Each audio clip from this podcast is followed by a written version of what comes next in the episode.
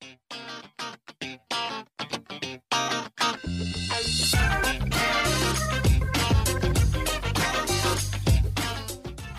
hai hai, welcome to AA Talk.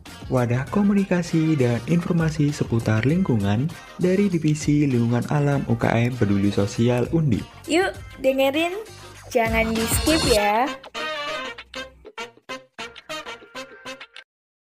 Berkunjung ke rumah Mbok Tini, ketok-ketok. Balik lagi di AA Talk. Halo semua, balik lagi nih dengan aku Ica di LA Talk episode 3. Aduh senangnya akhirnya aku bisa balik nih menyapa kalian semua. Dan seperti biasa teman-teman, aku nggak sendirian di sini balik lagi nih yang kemarin episode 2 sempet libur ya. Sekarang balik lagi nemenin aku. Halo Farel. Halo Ica dan teman-teman. Gimana kabarnya, Ica? Alhamdulillah, Rel. Alhamdulillah aku baik. Ada sesuatu yang aku sedikit bangga sama diri sendiri. Kenapa? Karena sekarang aku ini Rel udah bisa rutin berolahraga di rumah. Ya kurang lebih udah dua minggu lah. Olahraganya ngapain aja tuh? Jadi gini, ya aku kardio gitu, Rel. Nah, teman-teman pendengar semua bisa dicontoh tuh Ica tuh. Kayaknya seru banget bisa olahraga di rumah, terus menghasilkan kegiatan yang produktif ya di liburan ya. Dari tadi ngobrol mulu deh. Tanya balik kayak apa kayak gitu. Oke, okay, oke. Okay. Aduh, maaf ya. Oke okay lah, biar fair nih antara aku sama kamu, Cila. Oke, okay, aku nyapa. oke, okay, aku nyapa kamu nih. Uh, gimana sih kabar kamu, Farel? Kabar aku baik, alhamdulillah. Bersyukur ada yang nanya kabar gitu. Kemarin-kemarin kan nggak ada. Tapi di liburan kali ini, uh, gini sih, uh, agak produktif lah sama kamu. Uh, lebih mengatur pola hidup yang lebih baik gitu. Kan di masa pandemi kayak gini uh, kita tuh nggak bisa kalau rebahan mulu. Terus biar menghasilkan kegiatan produktif ya kita uh, dengan cara merubah pola kehidupan atau pola perilaku kita gitu di masa pandemi kayak gini. Kayak uh, aku sering jaga kebersihan lingkungan. Itu kan juga penting banget nih buat kita Parah ya, ternyata kamu ini ya produktif ya, bermanfaat sekali liburan kamu ini nih. Iya dong, tapi kita jangan ngobrol mulu lah. kan nanti kita juga ada topik pembahasan gitu yang mau dibawakan di episode 3 kali ini kan. Kita gak cuma ngobrol berdua aja, tapi nanti juga bakalan ada narasumber yang keren lah, yang berkapabilitas di uh, pokok bahasan kita di tema trend eco-friendly ini gitu. Penasaran nih, Rel. Aduh, boleh dong di spell sedikit-sedikit kali ya?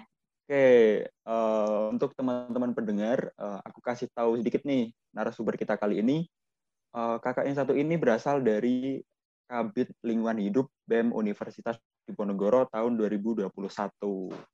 Oh, Rel, aku jadi makin penasaran lagi nih, Rel. Udah langsung aja sih, Rel. Panggil dong.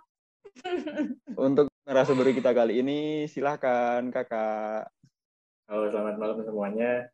Kenalin dulu sebelumnya, aku Andre Triananda dari Fakultas Perikanan dan Ilmu Kelautan.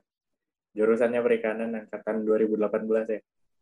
Dan tahun ini diamanahi sebagai Kepala Bidang Lingkungan Hidup BEMUNDIP 2021. Di mana pun berada, teman-teman LA Podcast harapannya sih bisa mendengarkan ini dan melakukan apa saja positivity yang kita bicarain malam ini. Gimana nih kabar Bang Andre? Alhamdulillah baik. Puji Tuhan juga masih bisa menjaga lingkungan. Masih bisa jaga lingkungan sih di mana pun dan kapan pun. Betul, setuju, setuju. Nah, tadi kita juga udah bahas nih, Kak, tentang tren eco-friendly ya, Kak, yang sekarang lagi booming. Dan kita juga tadi udah bahas-bahas sedikit Kak sama Farel tentang tren eco-friendly ini sendiri dan manfaat dari adanya eco-friendly ini ternyata bisa mengurangi kandungan karbon yang ada di bumi. Nah, menurut Kak Andre sendiri gimana nih Kak? Jadi eco-friendly menurut definisi aku ya, eco itu kan diambil dari kata ekologis ya, atau ekologi. terus ada friendly yang artinya bersahabat gitu. Jadi uh, definisi menurut aku eco friendly itu bersahabat dengan uh, lingkungan gitu. Oh, intinya uh, eh, eco friendly itu merupakan satu behavior ya, tapi menurut aku pribadi kayak gitu sih eco friendly itu sebuah behavior, sebuah tingkah laku yang diiringi dengan barang-barang uh, maupun suatu kebutuhan yang mungkin bisa menjaga lingkungan kayak gitu. Kalau tadi dengar dari definisi Kak Andre sendiri, perubahan terus juga ada kata-kata barang-barang nih Kak. Nah, contoh barang-barang apa saja sih Kak yang bisa kita rubah nih dalam kehidupan kita sehari-hari agar bisa dikatakan lebih eco-friendly gitu Kak? Kita lihat dari barang yang umum dipakai dulu sih sebelum kita mengenal eco-friendly itu apa. Uh, contohnya kalian beli nih minuman dalam kemasan entah itu air mineral, entah itu yang ada rasa-rasanya, itu kan dikemasnya pakai botol plastik ya. Dan itu ada segitiga, segitiga recycle, dalamnya angka satu, nah itu tuh cuma bisa sekali pakai. Uh, itu tuh sebenarnya bisa diubah ya, dengan cara membawa botol tumbler yang materialnya bisa dipakai terus menerus kayak gitu. Dari kantong plastik sekali pakai itu bisa diganti sama goodie bag atau tote bag. Banyak banget sih sebenarnya barang-barang yang eco friendly itu oke. Nah kayaknya baru bahasan oh. pertama udah seru okay, banget okay. ya teman-teman ya. Seru banget Ral seru banget. Ini asli seru banget. Nah kemarin aku juga udah baca-baca artikel maupun jurnal gitu kak Nah, terus aku nemu data nih terkait dengan survei yang dilakukan oleh PricewaterhouseCoopers pada tahun 2021. Asia Pasifik ini merupakan wilayah yang lebih eco-friendly gitu dibandingkan dengan wilayah-wilayah lain yang ada di belahan dunia gitu. Nah, bahkan di Indonesia sendiri, sebanyak 86% dari keseluruhan responden mengatakan telah hidup lebih eco-friendly dari biasanya. Nah, di bawahnya juga mengikuti negara-negara seperti Filipina, Arab Saudi, Mesir, dan UEA. Nah, dari data tersebut juga mengatakan 58% adalah masyarakat yang berusia 27 sampai 32 tahun. Nah, kalau kita lihat nih Kak, eh, sebenarnya generasi mana atau masyarakat usia berapa sih yang menjadi pelopor gitu dengan adanya munculnya tren eco-friendly di masyarakat gitu?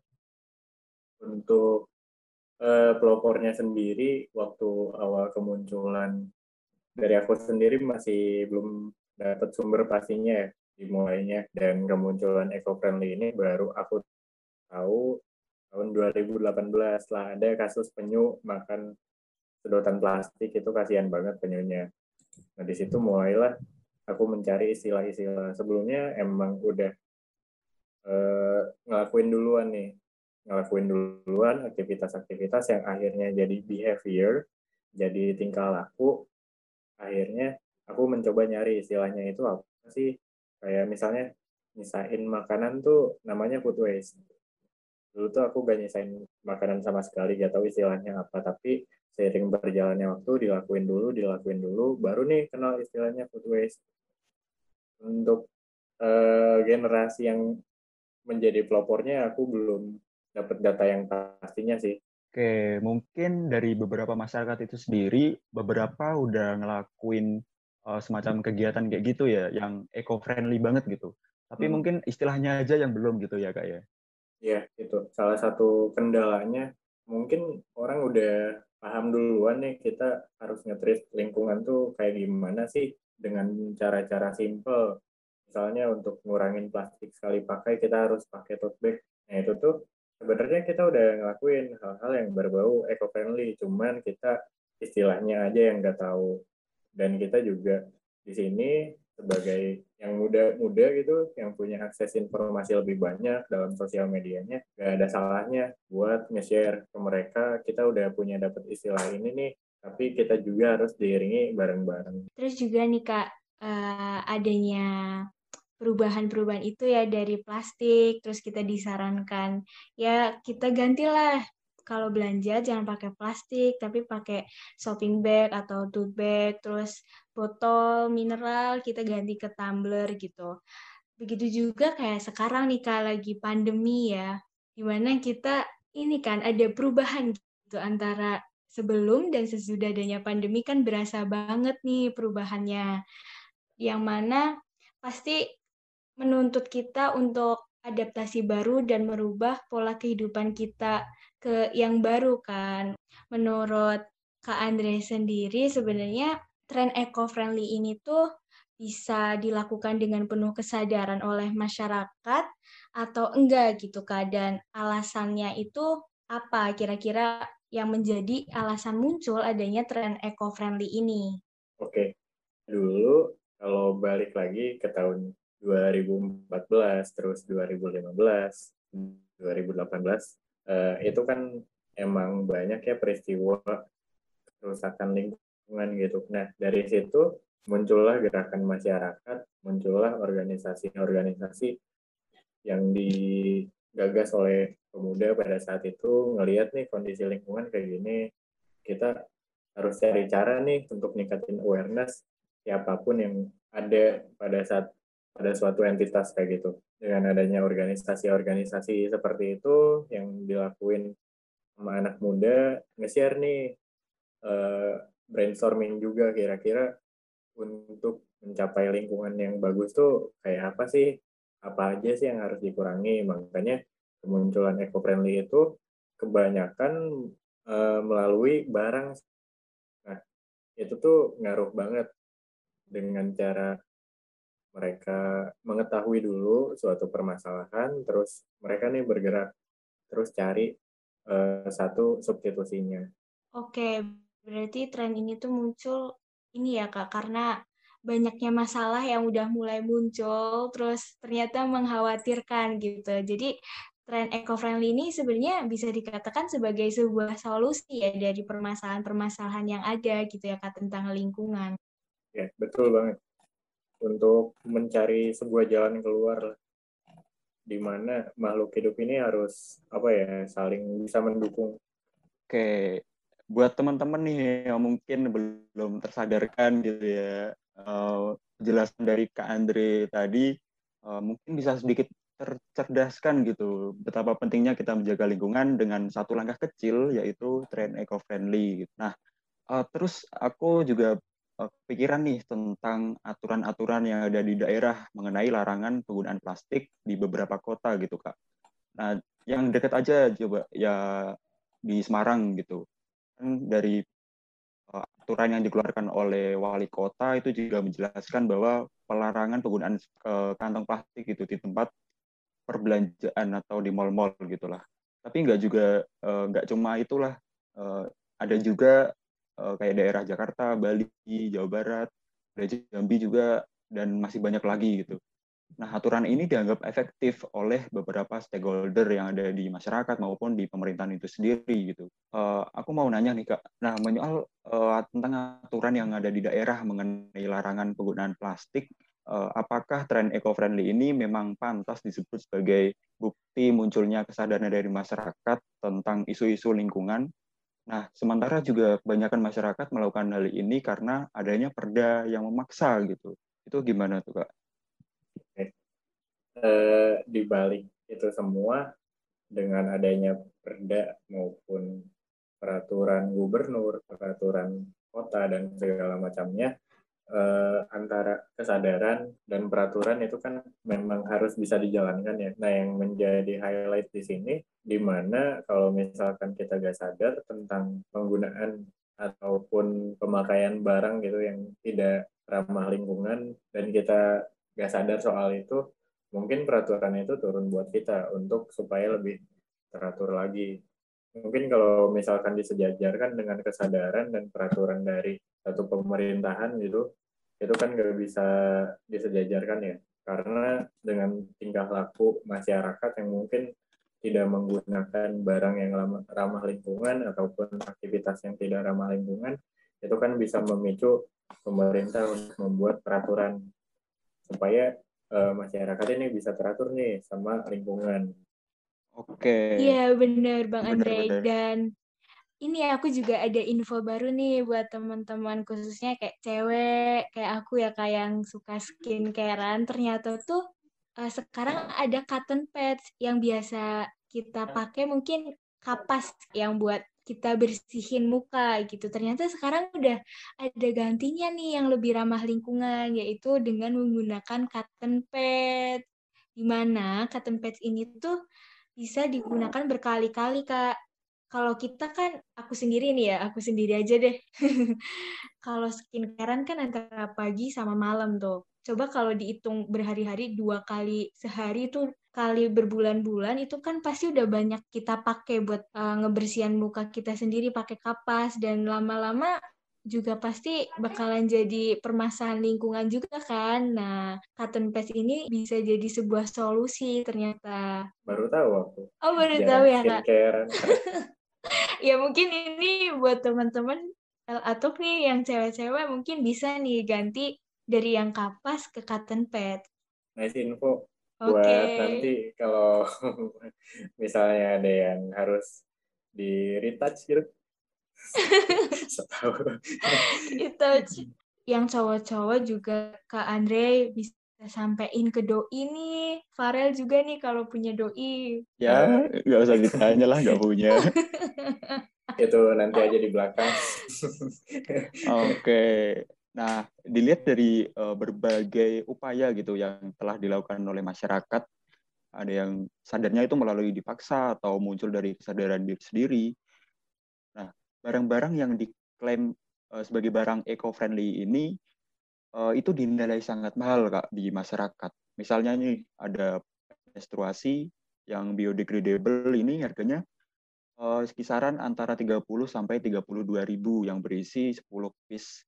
Atau juga um, menstrual cup yang uh, harganya itu paling murah mencapai 150.000 uh, sampai sabun atau juga sampo itu alami yang harganya 40 sampai 50 ribuan per 150 mil.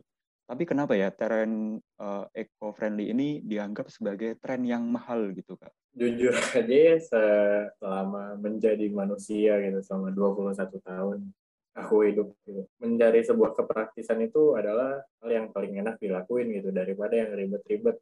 Misalnya uh, kita pakai botol plastik sekali pakai gitu. Pengen minuman ini dikemasnya dengan botol plastik sekali pakai, itu kan uh, simple banget ya buat diaksesnya, buat dinikmati. Bagian pula uh, murah lagi gitu kan dengan hal-hal yang sekali pakai itu beda dengan gunain botol minum yang bisa berulang kali pakai kayak botol tumbler gitu itu kan perlu dicuci perlu segala macam biar tetap bersih isinya kadang juga mengalami suatu kemageran gitu kan.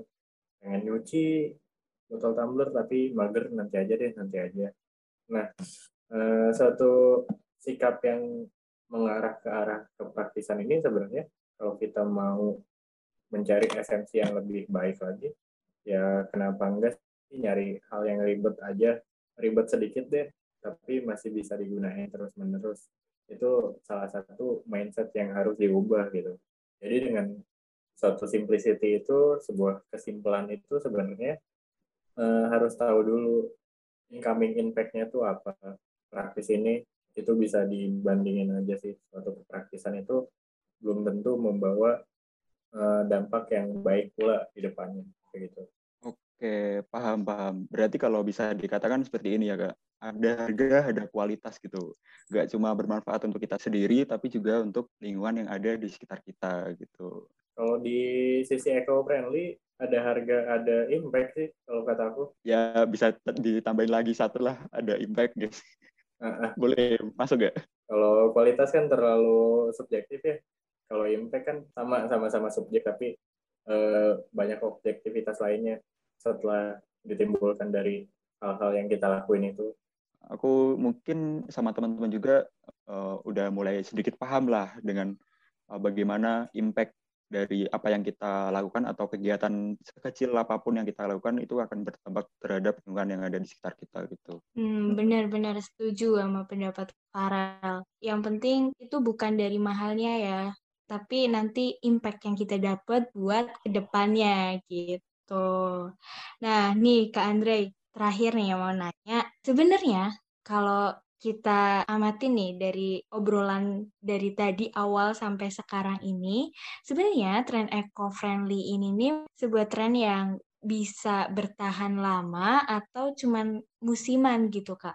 Ini soalnya kalau ditanya soal itu, it's something unpredictable ya kan. Uh, di antara ini akan bertahan lama atau enggak, uh, itu balik lagi ke pemahaman kita masing-masing. Sebenarnya gampang-gampang aja sih kalau misalkan kita ini udah ngelakuin eco-friendly, udah menjadi behavior sehari-hari, itu bakalan bertahan lama sampai kapan pun. Pun dengan kemajuan tren sekarang banyak banget kan substitusi yang ngurangin penggunaan sampah yang sekali pakai itu diolah menjadi berbagai macam barang lagi yang disebut daur ulang dengan adanya gerakan-gerakan yang sustain yang kita lakuin sehari-hari melalui lifestyle kita.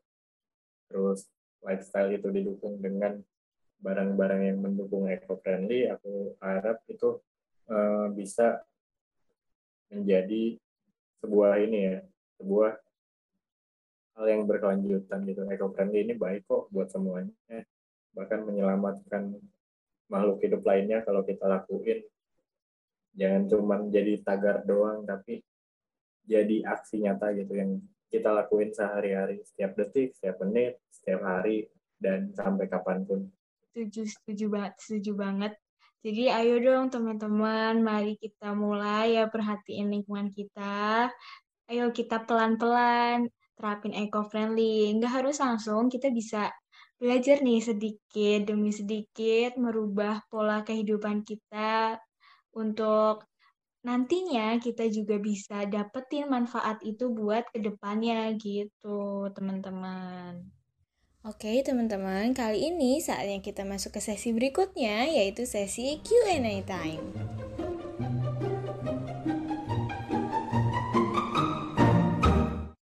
Jadi, Q&A time ini tuh kita ngumpulin pertanyaan yang kemarin sempat kita share melalui uh, story di Instagram Peduli Sosial official account-nya dan dari banyaknya pertanyaan yang udah masuk nih kak ke official account-nya kita saring nih menjadi tiga pertanyaan.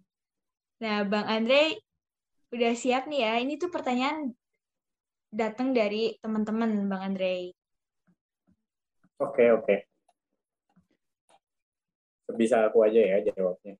Kalau misalkan kurang-kurang uh, masih ada Google untuk memperdalam lagi ataupun okay. mencari literasi tentang hal yang kita bicarain saat ini. Siap, siap. Nah, ini aku bacain dulu ya yang pertama ya. Uh, pengelola pengelolaan lingkungan yang seperti apa agar efektif gitu terhadap ling, eh, terhadap sampah. Oke langsung jawab ya? Iya, boleh Kak. Jadi untuk mengelola mengelola lingkungan itu uh, dibagi ke dalam dua versi sih kalau dari aku. Yang pertama versi dari diri sendiri, yang kedua versi secara umum. Kalau versi untuk diri sendiri itu uh, kita tuh punya intensi, punya niat untuk mengelola lingkungan itu seperti apa. Misalkan niat kita pengen nih eh, ngadain satu apa ya satu hal yang bisa menuhin kebutuhan pangan kita itu kan salah satu eh, bentuk kepada pengelolaan lingkungan juga ya kita ini ngelola tanah kita sendiri misalnya di rumah ada satu petanahan gitu satu tanah kita tanam apa itu kan salah satu uh, pengelolaan lingkungan juga ya dari hal yang kecil dari intensi kita dulu nih. Nah yang kedua setelah kita punya intensi uh, kita ini lakuin nih jadiin si intensi ini behavior. Kalau bisa niat-niatnya tuh uh, mengurangi yang buruk, meningkatkan yang baik kayak gitu. Dan dipertahankan dengan uh, perilaku kita setiap saat. Dengan kita ke mana-mana kita punya intensi nih yang baik nih. Kayak misalnya pengen pergi ke mall kita harus bawa tote bag sendiri.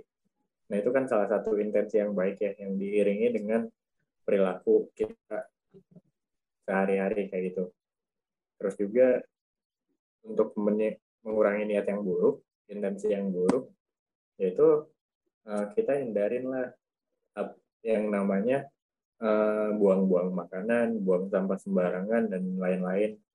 Uh, itu dari versi diri sendirinya dulu.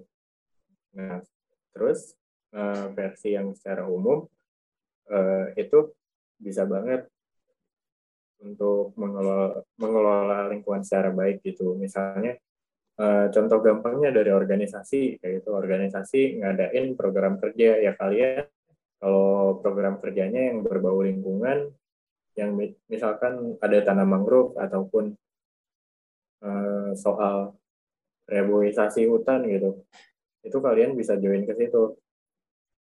Bisa join terus hmm, encourage teman-teman kalian yang belum pernah ikutan join ya. Terus kamu misalkan udah pernah join encourage teman-teman kita. Itu kan salah satu bentuk uh, pengelolaan juga dari mulut ke mulut. Nah, pengelolaan lainnya apa? Selain yang umum itu kita tuh harus membiasakan uh, mengajak orang-orang ke arah yang lebih baik lagi. Misalnya, ayo dong buang sampahnya pada tempatnya, bedain organik dan anorganiknya. Itu cara mengelola kalau dari perspektif aku ya dari hal yang terkecil dulu dari diri sendiri terus misalnya diri sendiri udah merasa cukup merasa cukup untuk melakukan hal-hal yang baik untuk lingkungan mengelola lingkungan dengan baik eh, naiklah naik tahap lagi ke yang lebih umum lagi setelah ke yang lebih umum kita bisa encourage balik itu menjadi satu cycle satu siklus yang diharapkan bisa sustain kayak gitu. Oke, Bang Andre. Ini uh, lanjut aja ya, Kak. Langsung ke pertanyaan nomor dua nih. Oke, boleh. Jadi, pertanyaannya gini nih. Di Singapura, buang sampah sembarangan itu bakalan kena denda. Nah, bagaimana jika diterapkan di Indonesia? Gitu, Kak Andre, pertanyaannya. Hmm, menarik, menarik. Uh, koreksi kalau salah ya, kalau misalkan masih kurang menjawab, ini disclaimer aja. Mungkin dari sudut pandang aku ya, untuk menerapkan sistem denda seperti Singapura itu masih terlalu jauh ya untuk bisa dilakuin di negara ini. Karena apa? Karena di satu dari kita misalkan pergi ke jalan ini jalan ini eh, dari kitanya pun dari aku pun masih apa ya masih menerka-nerka gitu kan ini ada tempat sampah organik anorganik dan segala sampah masuk kedua-duanya gitu. Itu kan dari kita pun belum bisa memilah sampah secara baik. Dari tidak bisa memilah sampah secara baik ini ya udahlah yang penting sampah dibuang di mana aja gitu. Dan belum ada peraturan yang mempertegas soal uh, satu pembuangan sampah itu. Nah, jadi di sini uh, kalau misalkan disejajarkan Indonesia bakalan seperti Singapura memperlakukan denda tuh itu masih terlalu jauh dari sudut pandang aku ya. Karena kalau dilihat dari undang-undang nomor 18 tahun 2008 di pasal 5 itu disebutin pemerintah dan pemerintah daerah bertugas menjamin terselenggaranya pengelolaan sampah yang baik dan berwawasan lingkungan sesuai dengan uh, tujuan sebagaimana dimaksud dalam undang-undang ini.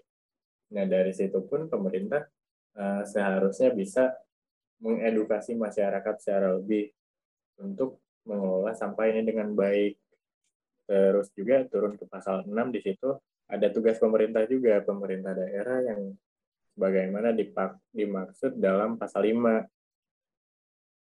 Yang poin yang aku highlight itu pasal 6 huruf A di situ menjelaskan tentang menumbuh kembangkan meningkatkan kesadaran masyarakat dalam pengelolaan sampah. Nah di sini pun eh, kalau misalkan membandingkan dengan Singapura gitu, mungkin mereka udah lebih jauh banyak teredukasi, udah lebih banyak sadar karena eh, mereka ini udah tahu gitu, udah dikasih tahu pengelolaan sampah yang baik itu pengelolaan sampah yang bisa memilah sampah sesuai dengan kriteria sampah yang ada.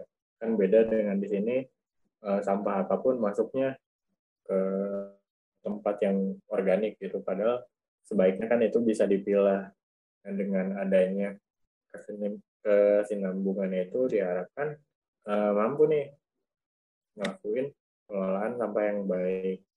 Kita kalau pengen kayak Singapura diberlakuin denda itu kan masih terlalu jauh.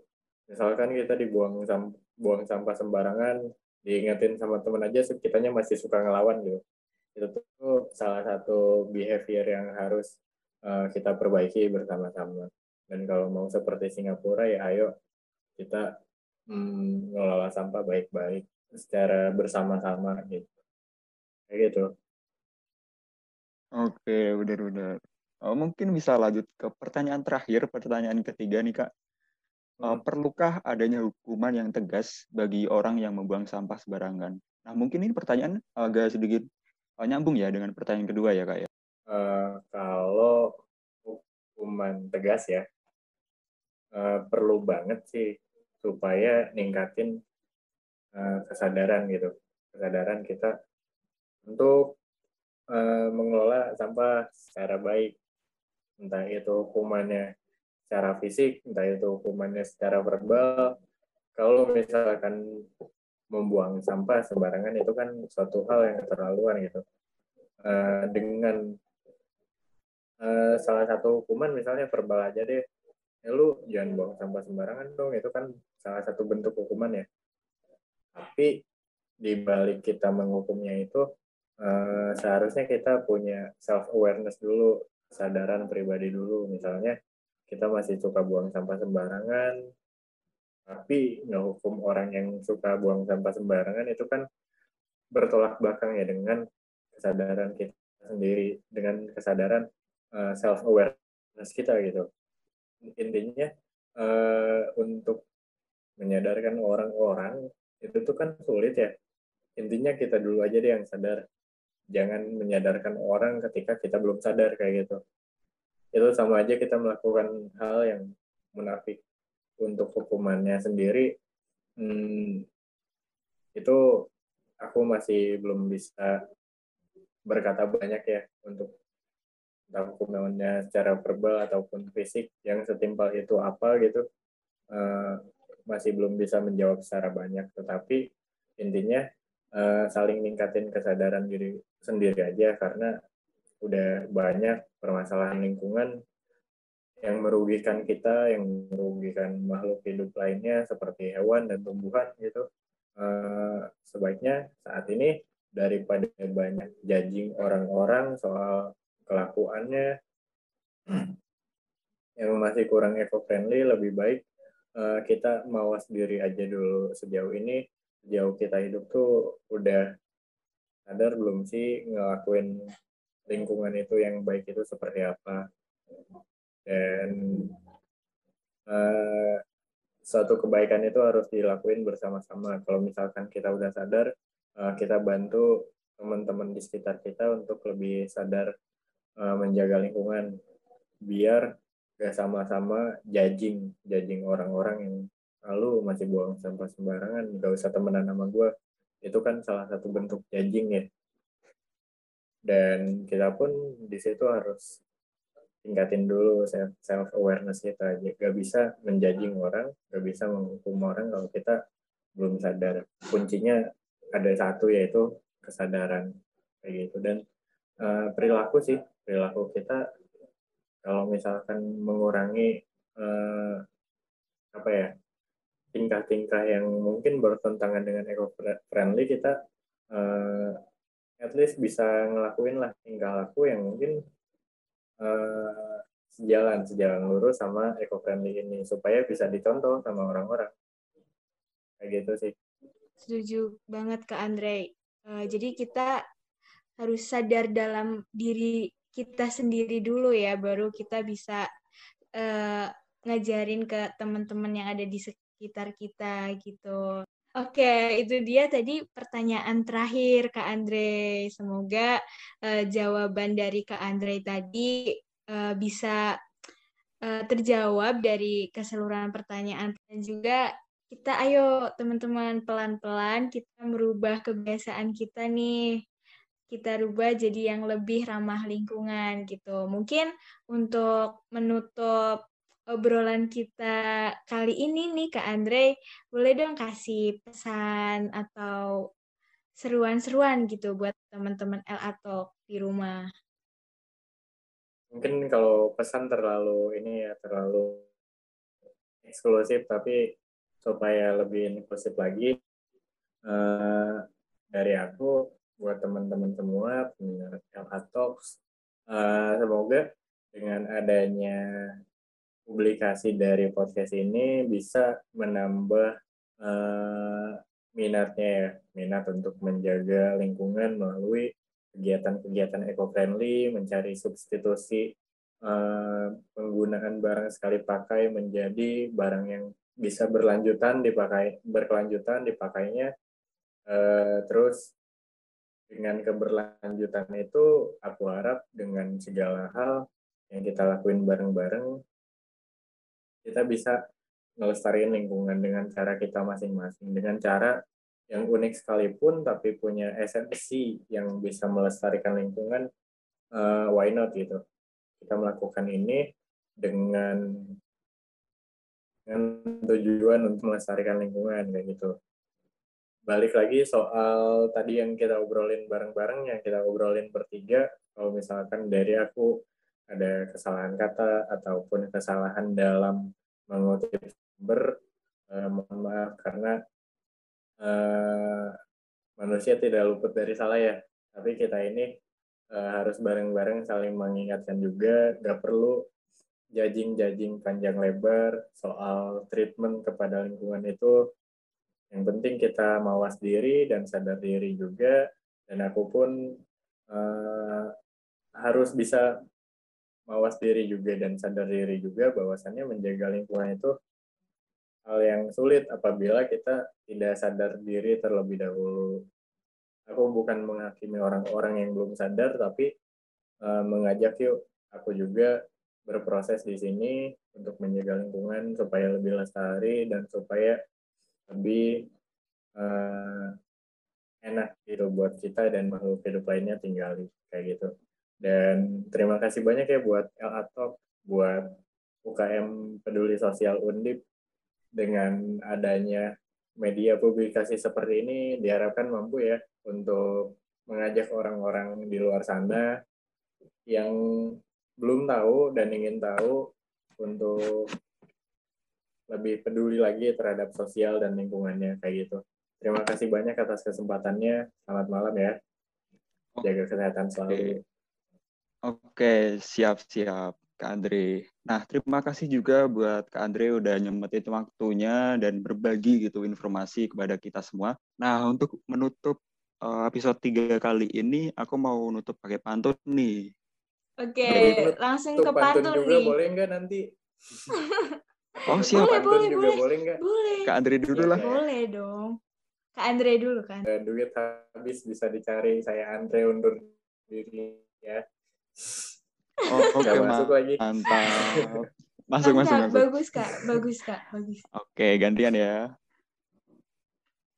Minum air kelapa sama si Anya.